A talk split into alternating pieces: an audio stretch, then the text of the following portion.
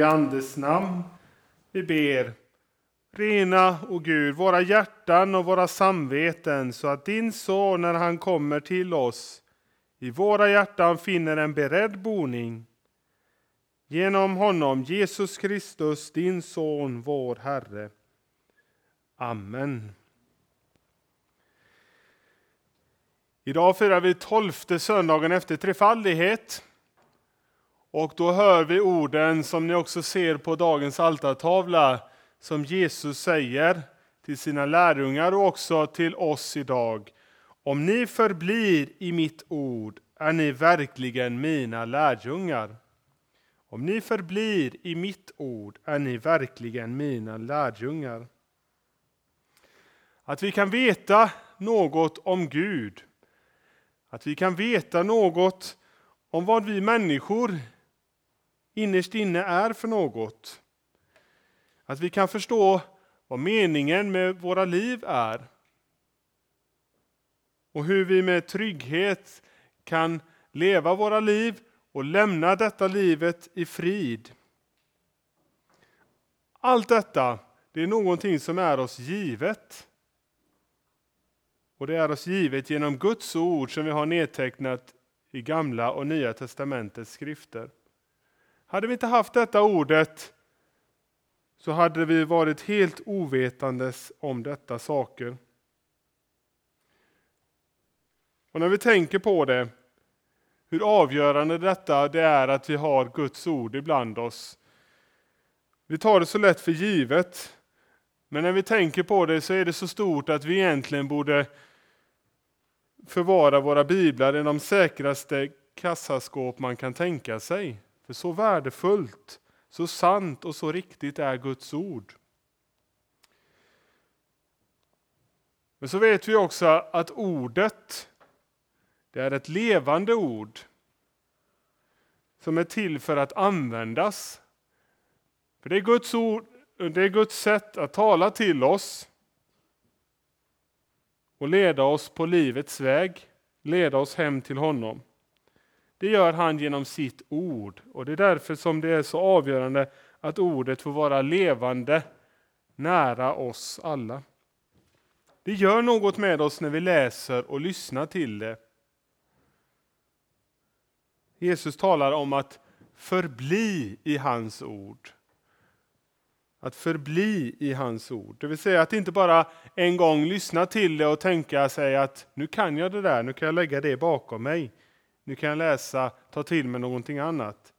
Nej, att förbli i ordet, att leva av det. Att ha det som sin bäste vän. Vi sjunger nu i salmen här, Jesus är min vän den bäste. För han sviker aldrig, han bedrar aldrig, han är oss alltid nära. Och den vännens röst, Jesu röst, den hör vi i Guds ord. Och därför så angeläget och så glädjefullt att få ha Guds ord ibland oss och att få lyssna till det, att läsa det. När vi nu snart ska be vår syndabekännelse så finns det anledning för oss allesammans att bekänna att vi ofta har försummat Guds ord. Eller kanske bara att det har blivit slentrianmässigt, att vi har läst det så som vi har god vana brukar göra, men utan att vi eftertänksamt och med bön har velat ta det till oss. Det var ju den bäste vännen som ville tala med dig, som kallade på dig när du öppnade din bibel. Och lyssnade du då, tog du emot det på det sätt som du skulle göra. Ja, allt detta, alla dessa tillfällen får vi bekänna för vår Herre att vi ofta har försummat hans ord. När vi nu firar gudstjänst så vet jag inte om ni har lagt märke till det, men hela vår gudstjänst är ett sådant tillfälle när Gud talar till oss. För det allra mesta i vår gudstjänstordning är sådant som är hämtat direkt ifrån Guds ord, citat från Guds ord, som vi sjunger, ber och talar. Och vi får ge vårt gensvar i form av bön, bekännelse och tacksägelse. Och framförallt så får vi ta emot ordet i tro. Att ta emot ordet i tro. När vi om en stund samlas kring nattvardens måltid så tar vi inte bara emot Kristi kropp och blod under bröd och vin, utan vi blir också påminna om vad Jesus säger till oss. Detta att vi tar emot hans kropp och blod, Jesus har nog också någonting att säga till oss i den stunden. Och vad är det han säger? Jo, detta är min kropp, detta är mitt blod. För er utgivet och utgjutet till syndernas förlåtelse. Och Martin Luther lär oss ju det i Lilla katekesen att tro det är att ta emot nattvarden på ett värdigt sätt. Vi får tro, lita till, förtrösta till vad ordet säger oss. Det är syndernas förlåtelse vi får ta emot av nåd för Jesus skull. Tror du det, ja då har det levande ordet fått slå rot i ditt hjärta. Och må Guds goda ande hjälpa oss alla att förbli, att också förbli i detta ord livet igenom. Ja, låt oss nu på ordets grund och befallning frimodigt bekänna vår synd och skuld och sedan ta emot förlåtelsens ord för Jesus skull.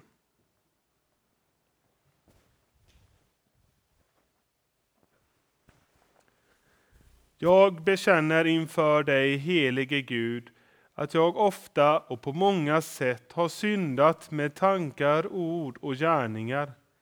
Tänk på mig i barmhärtighet och förlåt mig för Jesu Kristi skull vad jag har brutit. Herre, hör nu också varje hjärtas tysta bekännelse.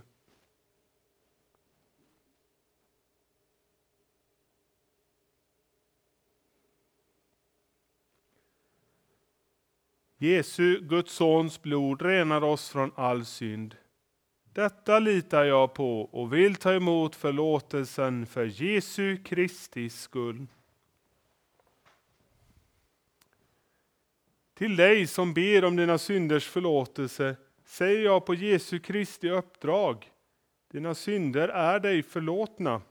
I Faderns och Sonens och den helige Andes namn. Amen. Käre Fader i himmelen, vi tackar dig för syndernas förlåtelse genom Jesus Kristus, din Son, vår Herre. Amen. Helige Herre Gud, helige starke Gud, helige barmhärtige frälsare, du evige Gud, förbarma dig över oss.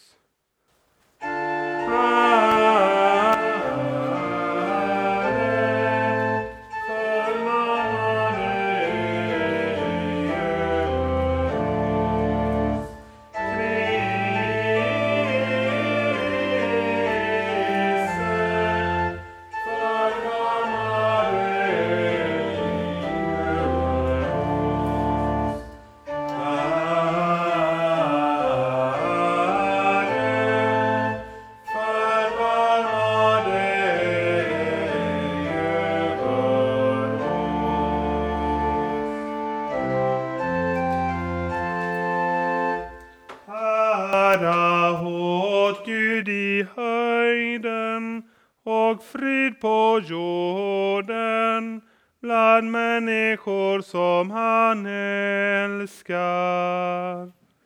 Prisa dig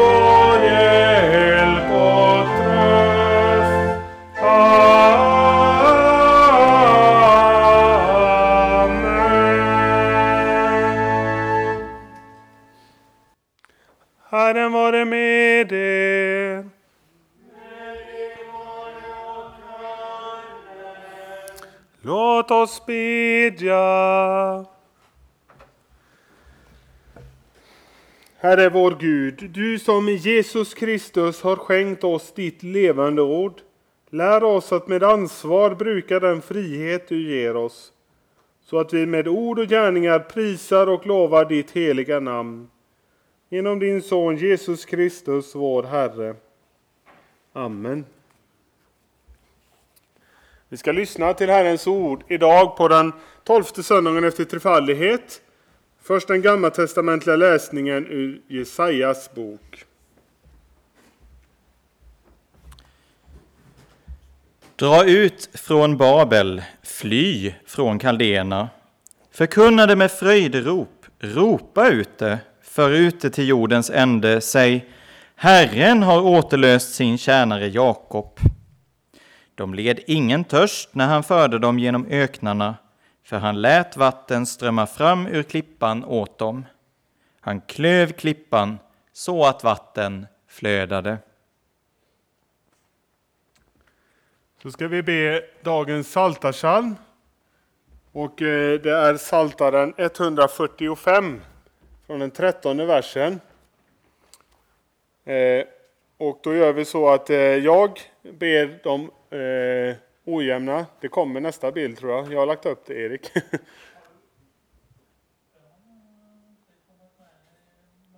Aha. Men, eh, ja. Men eh, om ni har era evangelieböcker så är det på sidan eh, 279. Och Joakim delar ut. På 279 så ber jag de eh, som står i vänstermarginalen och så ber församlingen de indragna raderna.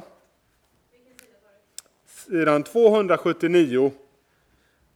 Och det är dagens Saltarsalm 145 från den trettonde versen.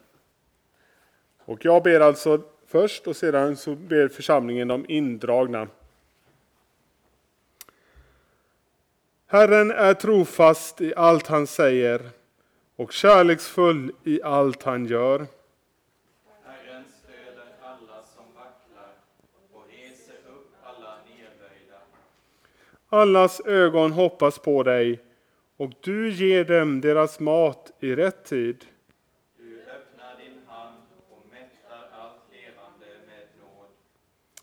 Herren är rättfärdig i alla sina vägar och nådig i allt han gör.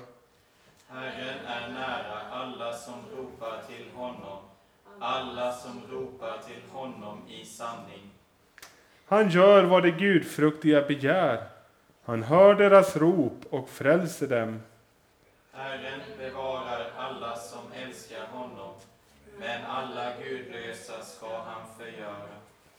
Min mun ska förkunna Herrens lov och allt som lever ska lova honom, lova hans heliga namn för alltid och för evigt.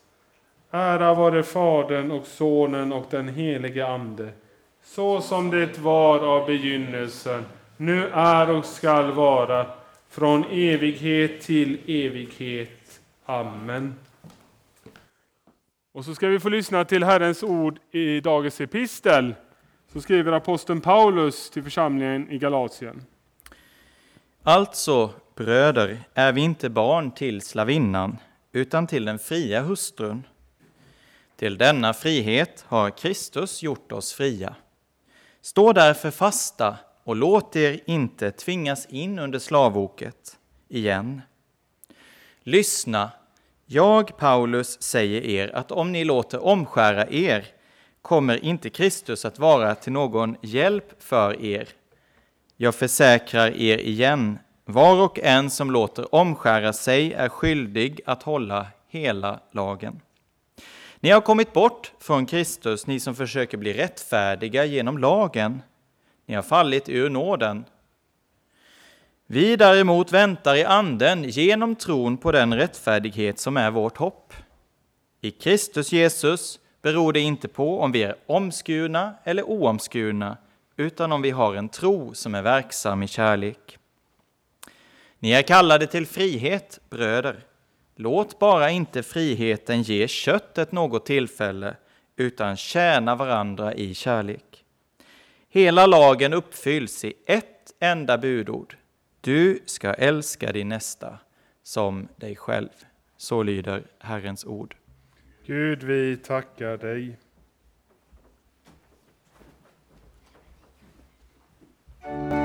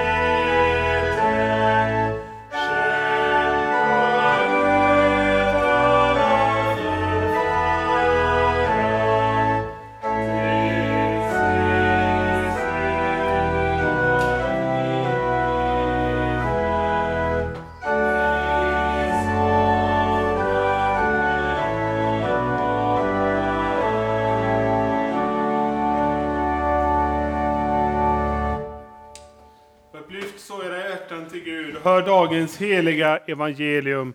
Så skriver evangelisten Johannes. Jesus sade till de judar som hade kommit till tro på honom. Om ni förblir i mitt ord är ni verkligen mina lärjungar. Ni ska lära känna sanningen och sanningen skall göra er fria. De svarade honom vi är Abrahams barn, har aldrig varit slavar under någon. Hur kan du säga att vi ska bli fria? Jesus svarade, jag säger er sanningen. Var och en som ägnar sig åt synd är syndens slav. Synd, slaven är inte kvar i huset för alltid, men sonen är kvar för alltid. Om nu sonen gör er fria blir ni verkligen fria. Så lyder det heliga evangeliet. Lovad vare du, Kristus. Jag når vare med er och frid ifrån Gud, vår Fader och Herren Jesus Kristus. Och vi ber. Sanningens ande, röj den nöd som vi i hemlighet bära. Människan ej lever blott av bröd, henne Guds ord måste nära. Sänd oss en hunger runt kring jord efter att höra Herrens ord. Sanningens ande, väck oss. Ja, detta ber vi om i Jesu namn. Amen. Sanningen skall göra er fria, hörde vi Jesus säga. Sanningen ska göra er fria. Fria eller frihet, är ju ett positivt laddat ord. När en människa talar om frihet så, så är det med, ligger det positiva undertoner i det hela. Människor och rörelser är inte sena att använda sig av detta ordet frihet för att beskriva vad man ser som ett liv i frihet. Om du gör detta och detta, eller om du ägnar dig åt detta eller detta, så är du fri.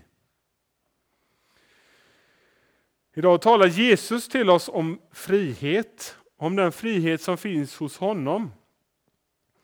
Och då säger han då bland annat dessa ord att sanningen ska göra oss fria. Sanningen ska göra oss fria.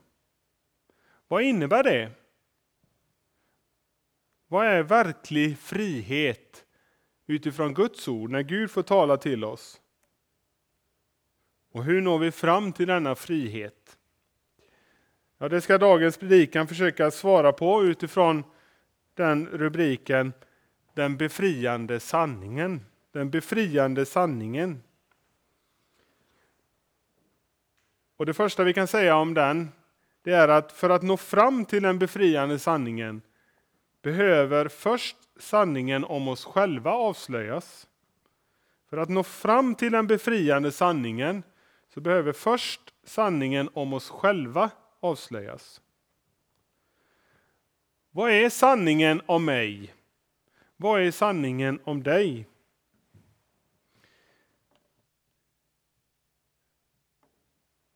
En tes som proklameras i vår tid och som jag tror försvårar för många människor att nå fram just till den här befriande sanningen som först behöver avslöja sanningen om oss själva. En tes som proklameras i vår tid är att du och jag skulle vara en produkt av en slump.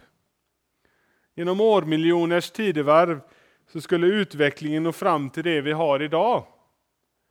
Mängder av olika levande organismer och djur och möjligen då högst i rang av dessa, åtminstone intellektuellt sett, vi människor.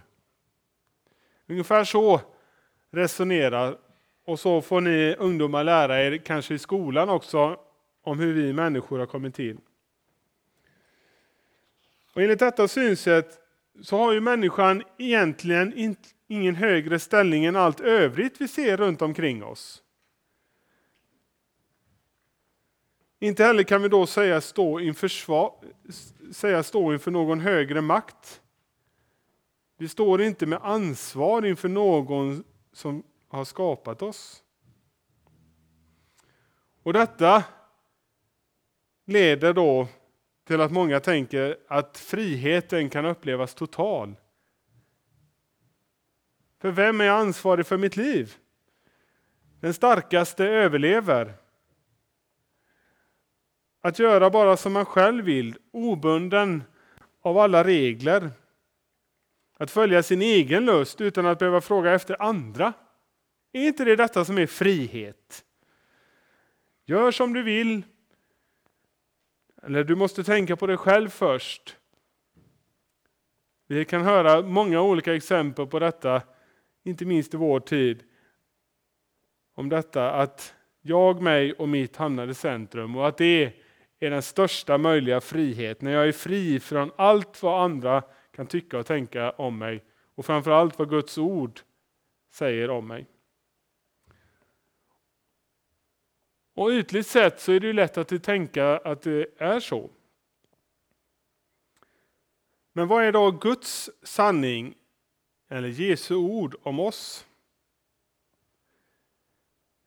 Ja, det första vi behöver lägga märke till är att i hans ögon så är du alldeles unik. Du är verkligen någon skild från de andra. Du är inte bara en klump cellmassa som slumpmässigt formats och blivit du, utan du är den som han har format. Vi blir inte unika därför att vi får ett namn när vi föds eller ett personnummer. Det är inte det som gör dig unik. Snarare kan vi se vår unikhet när vi tänker på vårt unika fingeravtryck. Det är ju någonting märkligt detta att vi kan ha vårt fingeravtryck och det är unikt. Det är ingen annan som har det mönstret på tummen som jag har. Vi kan på detta sättet ana att Gud liksom har satt sin tillverkningsstämpel på oss. Och detta det är ju en befriande sanning att bli lyft upp från att vara en grå människomassa till att vara en unik människa, skapad av Gud till ett meningsfullt liv. Tänk vad det skulle göra människor, många människor fria som av ängslan och oro går runt och undrar varifrån kommer jag? Varifrån är jag på väg? Och så mår dåligt av detta. Nej, det är något befriande att få inse detta att Gud har skapat mig. Han ville mitt liv. Det finns en mening med det. Och han har bestämt oss människor till att råda över skapelsen. Han har gett oss förstånd till att vårda vår värld. Och han har gett oss medmänniskor till att vara våra medhjälpare och medvandrare. Så detta är vad Guds sanning är om oss människor. Men detta ställer oss också med ansvar. Jag har ett ansvar inför Gud, min skapare. Hur har jag förvaltat det ansvaret? Ja, Jesus är tydlig när han avslöjar sanningen för de som lyssnade då, men också för oss som lyssnar här idag. Jag säger er sanningen. Var och en som ägnar sig åt synd är syndens slav. Är syndens slav. Är det så? Att vara slav, då är man ju verkligen ofri. Det handlar inte bara om att man gör något en stund och sedan är man fri att göra något på något annat sätt. Utan Jesus talar om att vi är syndens slavar. Och det betyder ju att jag alls inte är så fri som jag kanske tror eller som jag skulle önska att jag vore.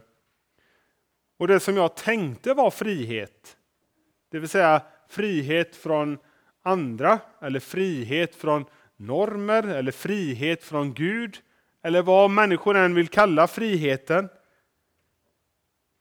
Är inte det i själva verket ett slaveri? Att jag är fast i något. Ja, ju mer inkrökta vi blir i oss själva, ju mer bundna av synden, lusten och begäret till onda som också finns inom mig, desto mer ofri blir jag. Denna sanning om oss själva, den vill den onde, djävulen, han som Jesus kallar för lögnens fader, få oss att förtränga. Men kom ihåg att det är bara sanningen som kan göra oss fria. Som Jesus säger. Jag tror att många av oss kan minnas tillfällen, kanske speciellt från barndomen, när man gjorde något som man visste var fel. Att man kanske hade haft sönder någonting som mor eller far hade förmanat om att nu får du vara försiktig med detta. Och så hade man, råkade man ha sönder det. Kanske för att man hade gjort på något dumt sätt. Och så blev det att man försökte förtränga eller gömma undan detta. Eller fly ifrån denna känslan. Och det kanske gick att dölja undan för mor och far.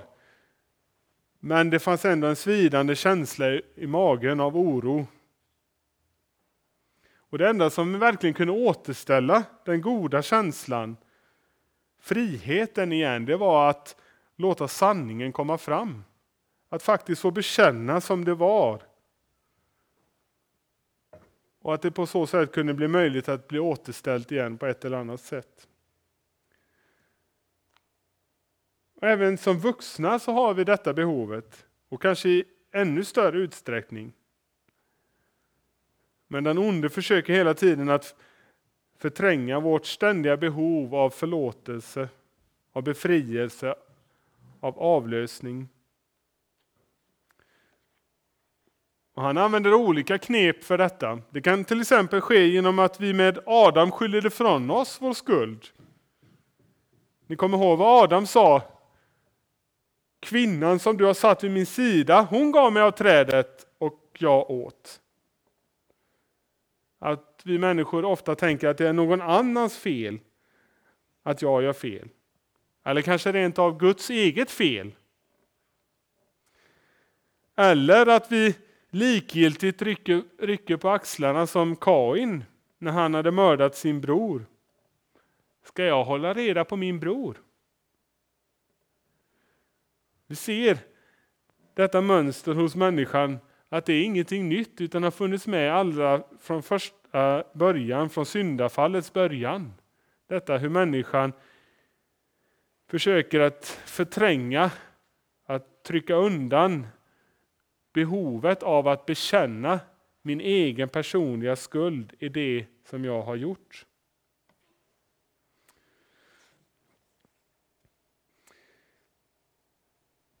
Och varför är det så?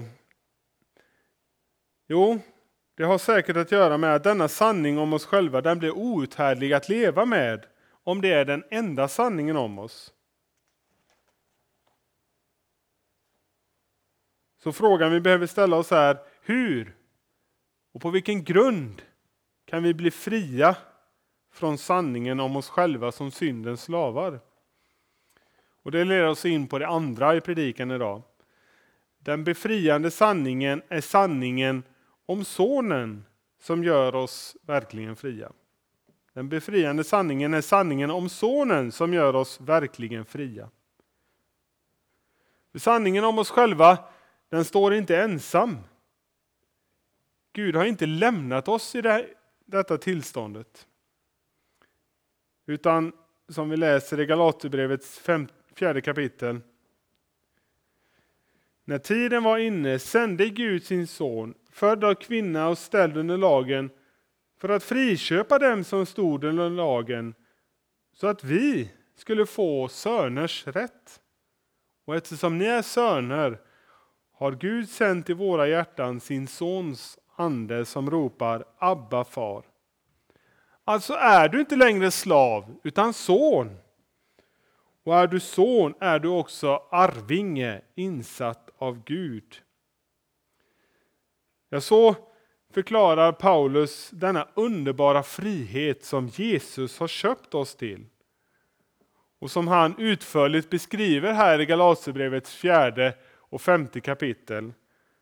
Och kanske att du får en stund i eftermiddag eller ikväll, blir det väl innan man är hemma kanske. När du får möjlighet att läsa de här kapitlen i lugn och ro. För då skulle jag skicka med det som en rekommendation från dagens predikan, att läsa Galaterbrevets fjärde och femte kapitel. Och man kan börja i det tredje kapitlet, vers 26, och läsa. Och bli påminna om vad Jesus har gjort för dig och hur han har köpt dig fri. Och att du i honom har den verkliga friheten. Vi talar om det idag, om frihet i Kristus. Det är ju temat för denna söndag. Du som var, ja också för dig som fortfarande är bunden av synden, finns det en verklig frihet att finna. Det finns förlåtelse att få och upprättelse att erfara. Det är därför vi talar om avlösningen. Det är ju när vi efter att bekänt våra synder i gudstjänstens inledning så får vi höra prästen tillsäga oss syndernas förlåtelse för Jesu Kristi skull. Den delen i gudstjänsten får kallas för avlösningen. Det är avlösning, befrielse. Vi kan dra oss för att be om förlåtelse i många sammanhang eftersom vi är oroliga, kanske för att vi inte ska få förlåtelse av den som vi felat emot. Men Guds ord som avslöjar sanningen om oss själva ger oss också frimodighet att bekänna den.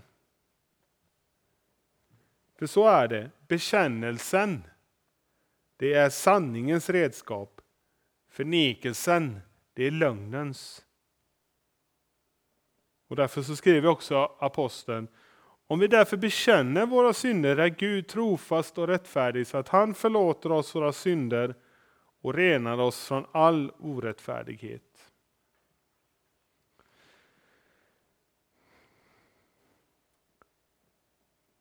Så finns nu ingen fördömelse för dem som är i Kristus Jesus.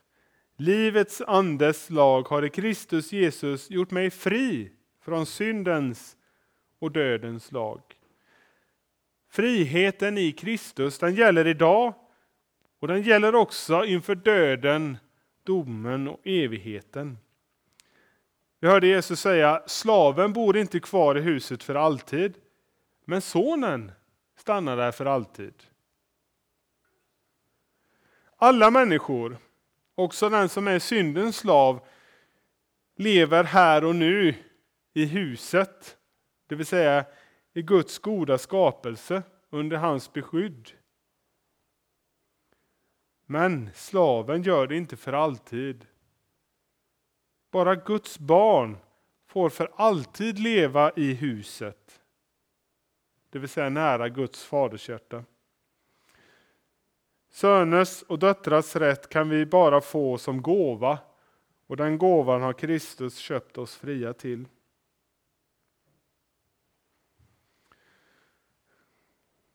Friheten, den har ju inga begränsningar. Men eftersom vi fortfarande, så länge vi lever kvar här i världen, har kvar vår lust inombords efter att återvända till syndens slaveri så uppmanar oss Paulus, som vi hörde, ni är kallade till frihet bröder. Låt bara inte den friheten ge köttet något tillfälle utan tjäna varandra i kärlek. Friheten den ges oss inte för att vi på nytt skulle leva det liv som vi tidigare levde, det vill säga helt för oss själva. För det var ju som vi såg ett liv i slaveri. Nej, friheten i Kristus den sätter oss fria att tjäna varandra i kärlek. Som Guds barn så får vi leva utan fruktan och utan ångest både inför vad som möter oss i denna världen, människors åsikter och domar om oss, men också inför döden och evigheten. Och detta det kan vi också bära med oss i vardagen på så sätt som vi nu tänker eh, det talas ju mycket nu inför vad som ska komma med höjda elpriser och krig i världen och mycket oroligheter på olika sätt. Och Det kan ju få oss att dras med i denna oro. Och Det kan finnas utmaningar och problem som vi människor får ta oss an på olika sätt. Men mitt i allt detta så får vi bära med oss att vi redan här och nu äger den fulla friheten i Kristus och därför inte ytterst sett behöver oroa oss för vad som ska ske framför oss. Vi är ju fria. Till sist, Jesus talade om att förbli i hans ord. Och Det var ju detta som var själva förutsättningen för friheten. Han började ju med detta, om ni förblir i mitt ord är ni verkligen mina lärjungar. Och ni ska förstå sanningen och sanningen ska göra er fria. Jag var inne på det redan i skriftetalet. Tänk er in hur vår värld skulle se ut och vara utan Guds ord. Utan allt det som vi har nedtecknat i vår bibel. Ja, utan Guds ord skulle vi vara fast i alla de olika sanningar om oss människor som vi människor själva tänker ut.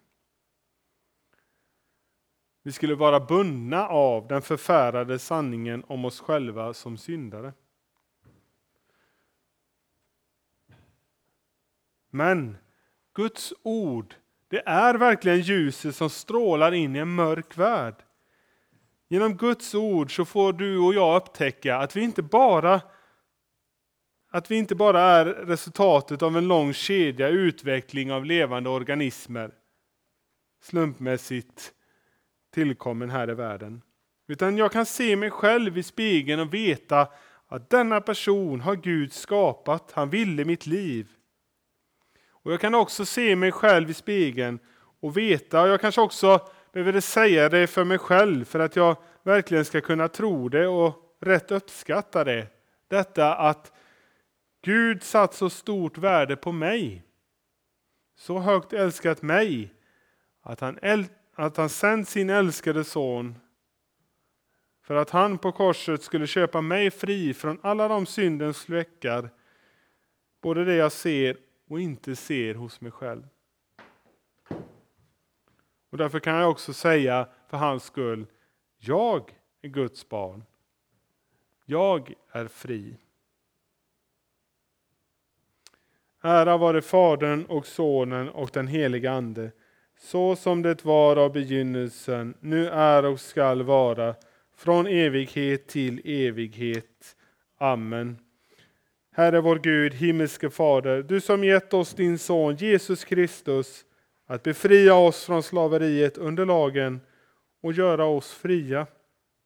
Vi ber dig, öppna genom din Ande med ditt ord våra stängda hjärtan för evangelium, som ensamt kan ge samvetet frid och frihet, och våra bundna tungor så att vi kan prisa ditt heliga namn och frimodigt bekänna dig inför människorna. Amen. Ja, låt oss så bekänna vår heliga kristna tro. Vi tror på Gud Fader allsmäktig, himmelens och jordens skapare.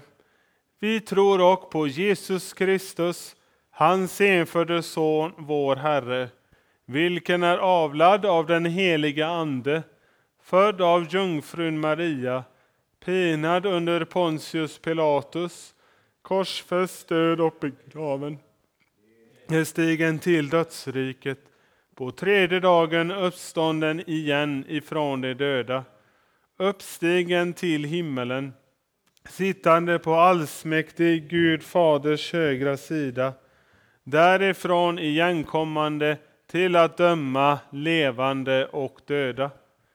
Vi tror också på den helige Ande, en helig allmännelig kyrka, det heliga samfund, syndernas förlåtelse, det dödas uppståndelse och ett evigt liv. Amen. Så några pålysningar så. Idag ber vi att få ta upp en kollekt till vår församling här, Helga Trefaldighets församling i Alvesta, för vårt arbete med att förkunna Guds ord också i denna tid, här på denna plats. Och den tas upp antingen eh, via eh, hovgång här under salmen efter predikan eller också eh, via Swish-nummer. Och det finns ju på lite olika håll här i vår kyrka. Eh, om vi ser på programmet framöver, om Gud vill och vi får leva så firar vi här nästa söndag, trettonde söndagen efter trefaldighet. Och då leds högmässan klockan 14 av Jan-Erik Appell.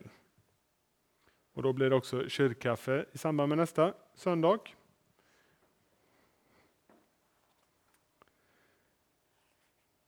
Så önskar jag till sist Guds frid som övergår allt förstånd bevara era hjärtan och era tankar i Kristus Jesus, vår Herre. Amen. Låt oss så be vår förbön.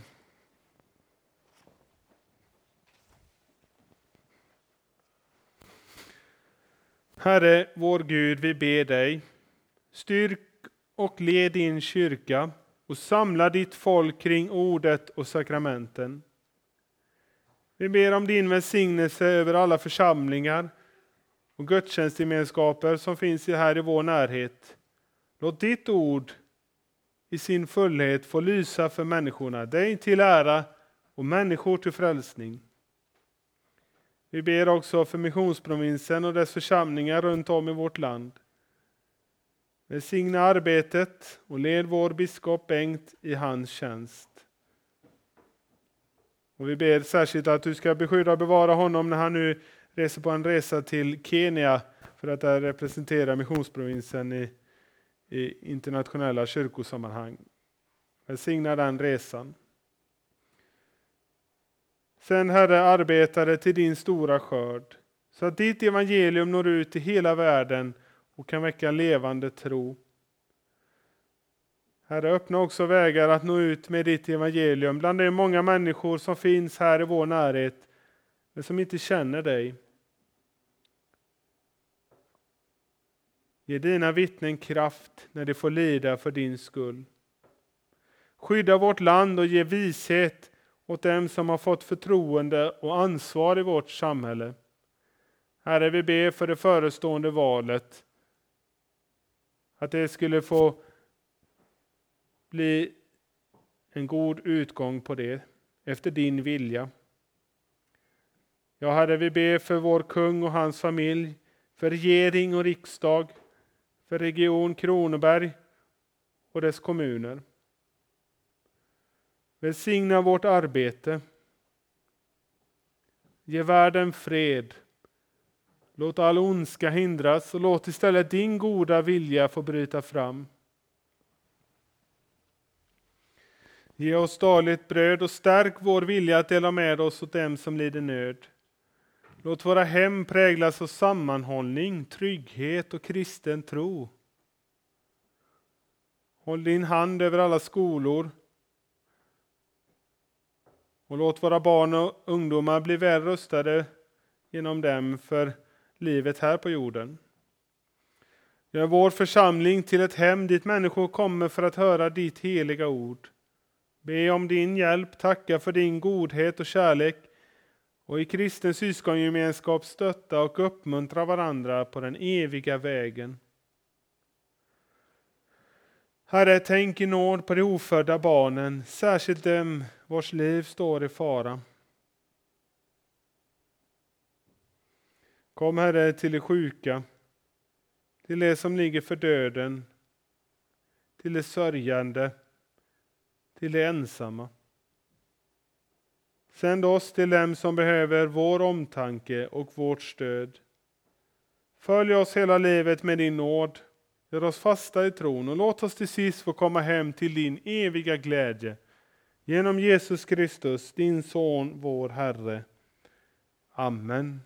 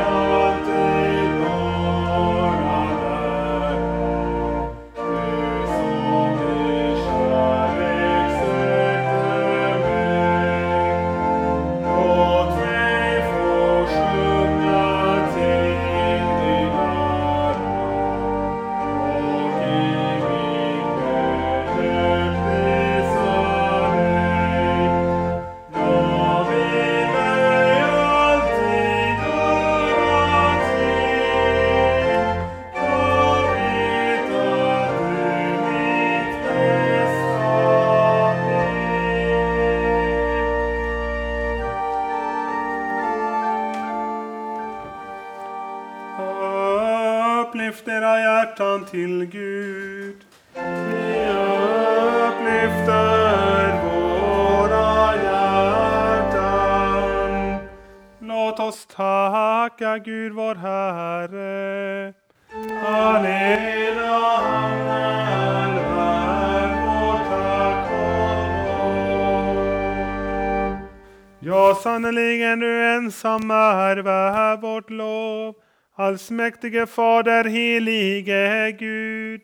Dig vill vi prisa och välsigna genom Jesus Kristus, vår Herre. Han är det levande brödet som kommit ned från himmelen för att ge världen liv. Den som kommer till honom skall aldrig hungra och den som tror på honom skall aldrig någonsin törsta. Därför vill vi med dina trogna i alla tider och med hela den himmelska härskaran prisa ditt namn och tillbedjande sjunga.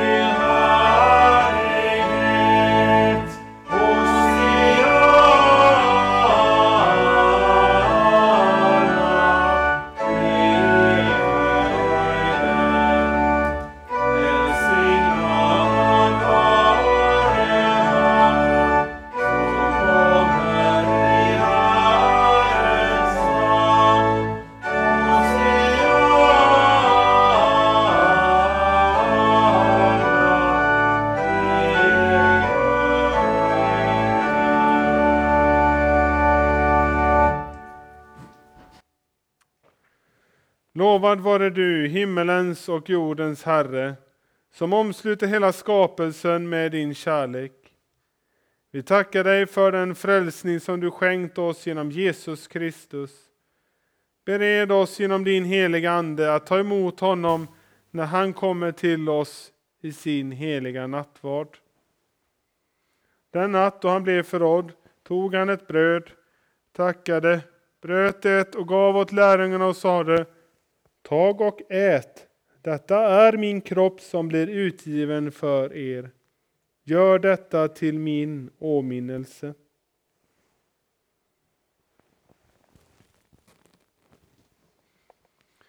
Likaså tog han kalken, tackade gav åt lärjungarna och sade Drick av den alla. Denna kalk är det nya förbundet genom mitt blod som blir utgjutet för många till syndernas förlåtelse. Så ofta ni dricker av den, gör det till min åminnelse.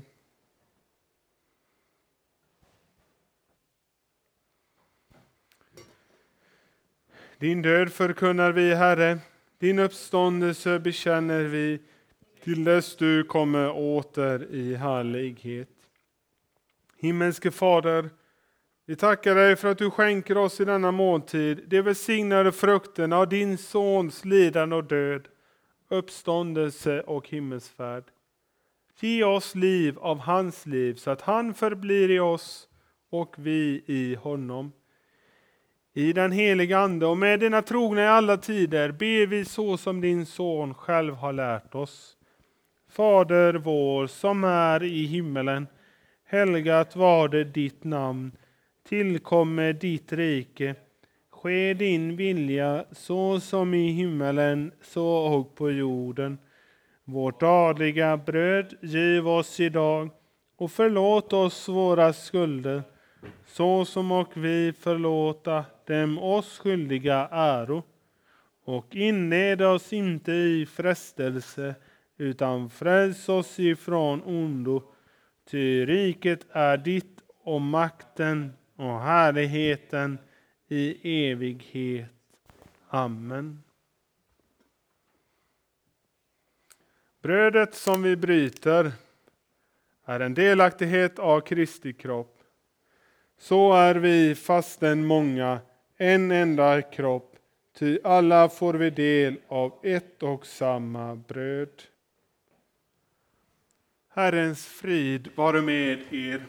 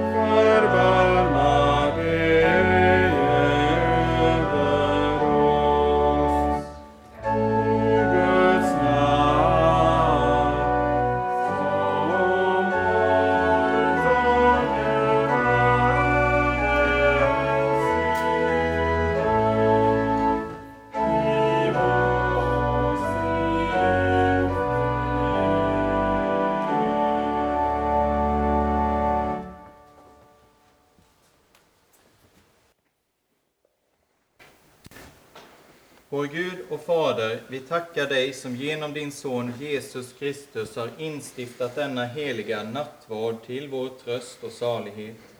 Vi ber dig, ge oss nåd att så fira Jesu åminnelse på jorden, att vi får vara med om den stora nattvarden i himmelen för vår Herres Jesu Kristi skull. Amen. Amen.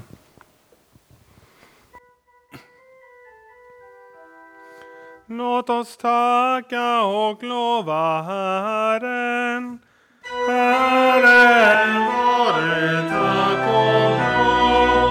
Halleluja, halleluja,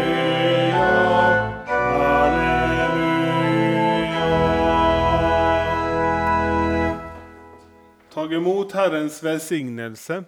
Herren välsigne er och bevare er. Herren låter sitt ansikte lysa över er och vare er nådig. Herren vände sitt ansikte till er och give er frid. I Faderns och Sonens och den helige Andes namn. Amen. Amen.